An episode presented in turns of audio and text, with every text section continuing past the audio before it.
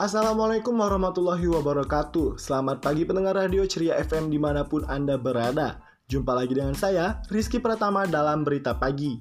Berita hangat telah kami siapkan untuk Anda pagi ini Yaitu informasi yang datang dari dunia olahraga. Informasi dari dunia olahraga seputar simpati para atlet untuk korban ledakan di Boston Marathon.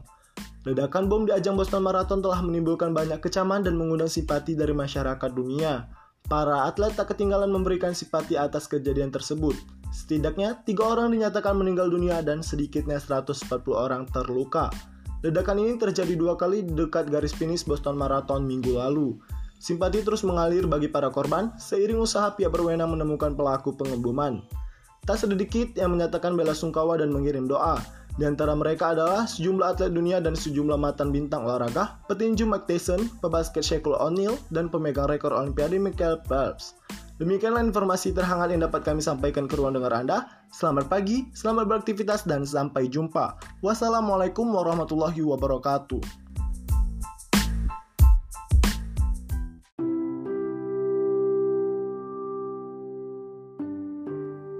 Aduh, pagi-pagi gini kok lapar sih?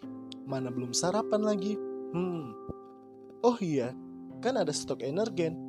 Energen membantu mewujudkan mimpi anak Indonesia agar siap beraktivitas tiap hari dan berkonsentrasi saat di sekolah karena kandungan gizi yang terdapat di produk energen dapat membantu mengembalikan energi yang hilang saat tidur 8 jam. Dengan begitu, tubuh pun siap berkonsentrasi. Minum makanan bergizi.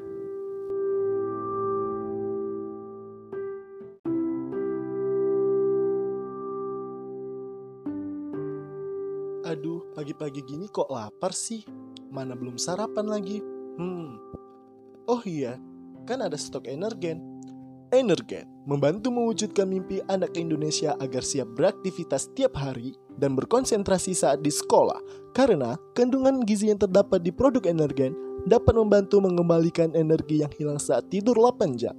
Dengan begitu, tubuh pun siap berkonsentrasi. Minum makanan bergizi.